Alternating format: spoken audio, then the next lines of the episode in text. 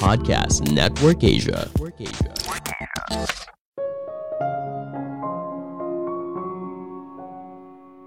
Perubahan hidup dimulai dari mengubah kebiasaan. Ketika kebiasaanmu berubah, maka hidupmu otomatis berubah. Halo semuanya, nama saya Michael. Selamat datang di podcast saya, Sikutu Buku. Kali ini saya akan bahas buku Better Than Before karya Gretchen Rubin. Sebelum kita mulai, buat kalian yang mau support podcast ini agar terus berkarya, caranya gampang banget. Kalian cukup klik follow. Dukungan kalian membantu banget supaya kita bisa rutin posting dan bersama-sama belajar di podcast ini. Buku ini membahas bagaimana cara kita berubah. Setiap awal tahun atau setiap ulang tahun, mayoritas orang sering kali membuat komitmen untuk berubah namun sayangnya, komitmen ini tidak bertahan lama. Mungkin cuma bertahan beberapa minggu di awal, lalu sisanya kembali ke kebiasaan lama yang buruk. Kenapa? Mungkin kita tidak memahami kecenderungan yang ada di dalam diri. Setiap orang punya kecenderungan yang berbeda. Nah, dengan memahaminya, kita akan lebih mudah menciptakan program yang sesuai untuk mengubah kebiasaan dan pada akhirnya mengubah hidup yang kita jalani sekarang. Saya merangkumnya menjadi tiga hal penting dari buku ini. Pertama, empat tipe kecenderungan seseorang dalam membangun kebiasaan. Mahatma Gandhi pernah berkata, tindakanmu akan menjadi kebiasaan. Kebiasaan akan menjadi nilai, nilai yang kamu anut akan menjadi masa depan. Ini menunjukkan betapa pentingnya kebiasaan dalam hidup manusia. Tentunya, setiap orang punya kebiasaan baik dan buruk kita pasti ingin memiliki lebih banyak kebiasaan baik daripada kebiasaan buruk kan? Namun semuanya dimulai dari kesadaran diri. Kita harus tahu siapa diri kita. Penulis membaginya menjadi empat tendensi seseorang dalam menciptakan kebiasaan. Pertama, upholder. Orang ini mudah sekali mengikuti ekspektasi diri sendiri atau orang lain. Dia selalu mengerjakan apa yang ada di dalam to-do list. Namun apabila tidak jelas, maka hal ini akan merusak kebiasaan orang tersebut. Sebagai contoh, jika ada jadwal nge-gym di kalender, seorang upholder akan tak pergi, tidak peduli hujan deras atau terlalu letih karena bekerja. Namun jika tidak ada di kalendernya, maka orang itu mungkin saja tidak akan pergi walaupun saat itu cuacanya cerah. Kedua, questioner. Sebelum berkomitmen melakukan sebuah kebiasaan tertentu, orang ini cenderung membedah apa yang diharapkan dan hanya setuju apabila kebiasaan baru itu memberikan hasil yang bagus sesuai riset yang sudah dilakukan. Dampaknya, orang ini mungkin saja mengalami kesulitan untuk memulai kebiasaan baru, karena butuh waktu lama hingga akhirnya dia memutuskan untuk bergerak. Misalnya seorang questioner ingin mulai gym, dia akan termotivasi untuk terus berolahraga apabila timbangannya turun. Apabila tidak, maka dia akan cepat sekali berhenti. Ketiga, obliger.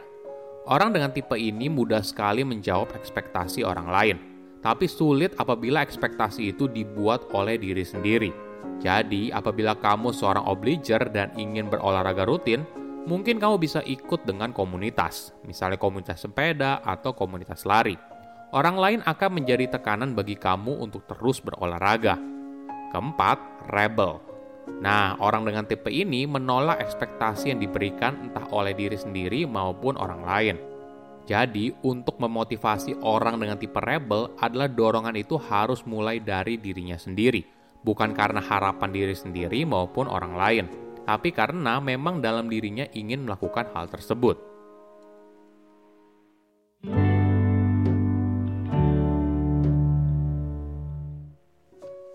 Kedua, tips mengubah hidup. Apakah kamu pernah ke restoran lalu bingung mau makan apa karena ada begitu banyak menu yang tersedia? Jika iya, wajar saja.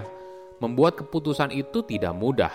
Itulah kenapa ketika kamu mencoba kebiasaan baru misalnya mulai berolahraga atau makan sehat, jangan biarkan dirimu untuk membuat keputusan setiap harinya.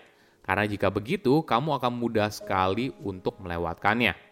Tapi coba taruh jadwal itu di kalender kamu. Alhasil, kamu tidak perlu lagi berpikir, cukup ikuti saja kalendermu. Penulis memberikan tips agar kita bisa memulai kebiasaan dengan lebih mudah. Pertama, mulai monitor perilakumu. Misalnya dalam hal diet. Pada tahun 2010, 70% orang Amerika Serikat mengalami obesitas. Ini merupakan nomor satu kasus penyebab kanker dan diabetes. Jadi tidak aneh apabila banyak orang mulai mengubah gaya hidupnya dengan makan lebih sedikit dan makan lebih sehat. Kamu bisa memulai dengan mencatat apa yang kamu makan. Kenapa? Menurut riset, kita itu sangat buruk dalam mengukur berapa banyak yang kita konsumsi. Mengubah kebiasaan memang tidak mudah, kita sering kali terpaku pada rutinitas yang sudah kita jalani. Namun ketika ada perubahan besar dalam hidup, misalnya pindah rumah, mendapatkan pekerjaan baru, atau bahkan menemukan cinta yang baru, rutinitas kita bisa saja berubah. Nah, ini merupakan waktu yang ideal untuk menciptakan kebiasaan baru yang lebih baik. Ada sebuah studi yang mengukur keinginan para responden untuk mengubah pola makannya. 36% dari mereka yang sukses karena baru saja pindah ke tempat yang baru. Studi lain menemukan mahasiswa yang ingin mulai berolahraga atau menonton televisi lebih sebentar punya potensi sukses yang lebih besar apabila mereka baru saja jadi mahasiswa baru. Apa alasannya? Memulai sesuatu yang baru mengubah perspektif kita soal hidup dan membuat kita lebih mudah untuk menciptakan rutinitas yang baru.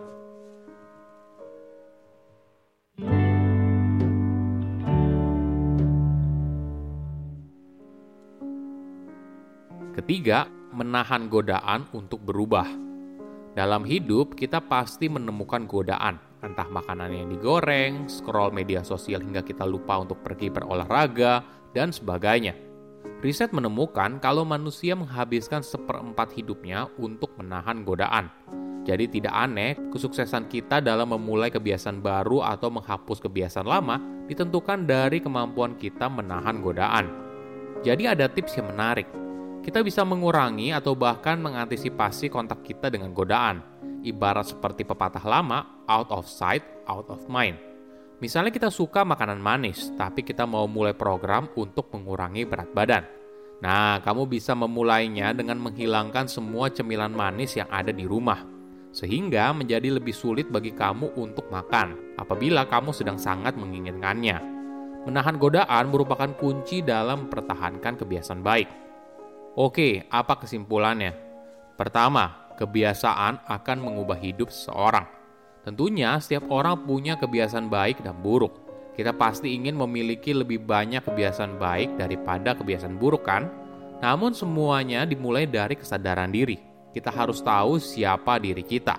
Nah, dari situ kita baru tahu caranya membangun kebiasaan dengan lebih baik. Kedua, membuat keputusan itu tidak mudah Itulah kenapa ketika kamu mencoba kebiasaan baru misalnya mulai berolahraga atau makan sehat, jangan biarkan dirimu untuk membuat keputusan setiap harinya. Karena jika begitu, kamu akan mudah sekali untuk melewatkannya. Tapi coba taruh jadwal itu di kalendermu. Alhasil, kamu tidak perlu lagi berpikir, cukup ikuti saja kalendermu. Ketiga, menahan godaan untuk hidup yang lebih baik. Riset menemukan kalau manusia menghabiskan seperempat hidupnya untuk menahan godaan. Jadi tidak aneh kesuksesan kita dalam memulai kebiasaan baru atau menghapus kebiasaan lama ditentukan dari kemampuan kita menahan godaan. Kita bisa mengurangi atau bahkan mengantisipasi kontak kita dengan godaan, ibarat seperti pepatah lama, out of sight, out of mind. Saya undur diri, jangan lupa follow podcast Sikutu Buku. Bye-bye.